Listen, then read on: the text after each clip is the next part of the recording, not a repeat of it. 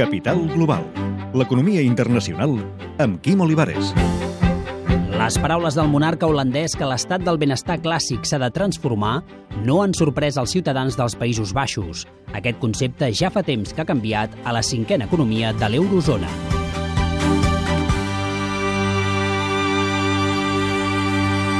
Leden van de Staten-Generaal. En el seu primer discurs de la corona, Guillem Alexandre d'Holanda llegeix el missatge escrit pel govern de coalició entre socialdemòcrates i liberals. La necessitat de reduir el dèficit del govern comportarà que l'estat del benestar clàssic es transformi lentament però de manera segura en una societat participativa. Van iedereen die dat kan, wordt gevraagd verantwoordelijkheid te nemen. Bas Jacobs, professor d'Economia i Finances Públiques de la Universitat Erasmus de Rotterdam.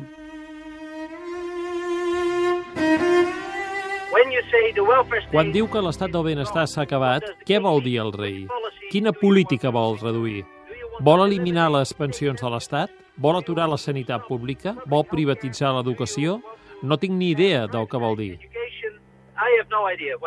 Tot i això, la transformació del concepte de l'estat del benestar tradicional arrenca als anys 80.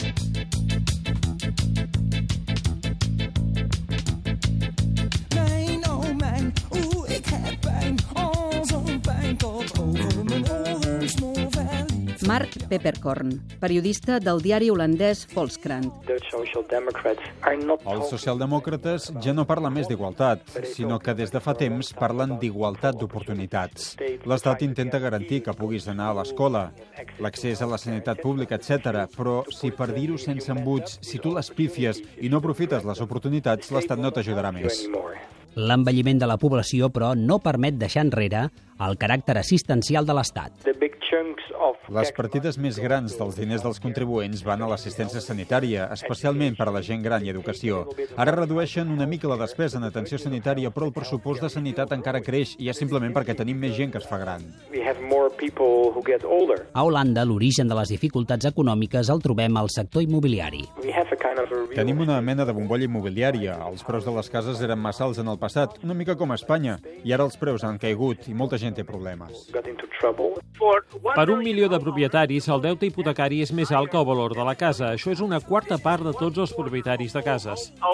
Per combatre el dèficit públic creixent, des del 2010, la població ha hagut de suportar retallades. Wat is is gebeurd in de schuur? Is het bij jou alles rustig? Met de? Zijn het bier? Una austeritat que suma 52.000 milions, si comptabilitzem els 6.000 milions anunciats aquesta tardor per l'executiu. Pel professor, els impostos que s'apugen per una banda s'abaixen per una altra. Per tant, no hi ha una retallada real o pujada d'impostos, no. No hi ha cap mena de pla darrere el paquet dels 6.000 milions. Només pretén complir amb la regla del 3% del dèficit. Les autoritats holandeses han acabat embolicades en la seva pròpia tranyina. Els holandesos, com els alemanys, els finlandesos i els austríacs, són sempre els primers a la Unió Europea a dir que països que tenen l'euro han de ser estrictes en les normes pressupostàries, que el dèficit no pot ser més alt del 3%. Bé, si sempre ets estricte amb el deute, també t'ho has d'aplicar tu mateix. Per tant, el govern té una mena d'obligació moral de complir-ho.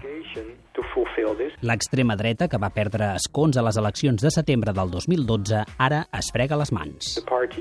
Si mires ara mateix a les enquestes, per descomptat amb les retallades al capdamunt, el partit del senyor Wilders és el número 1 altra vegada, i els dos partits del govern estan molt malament a les enquestes.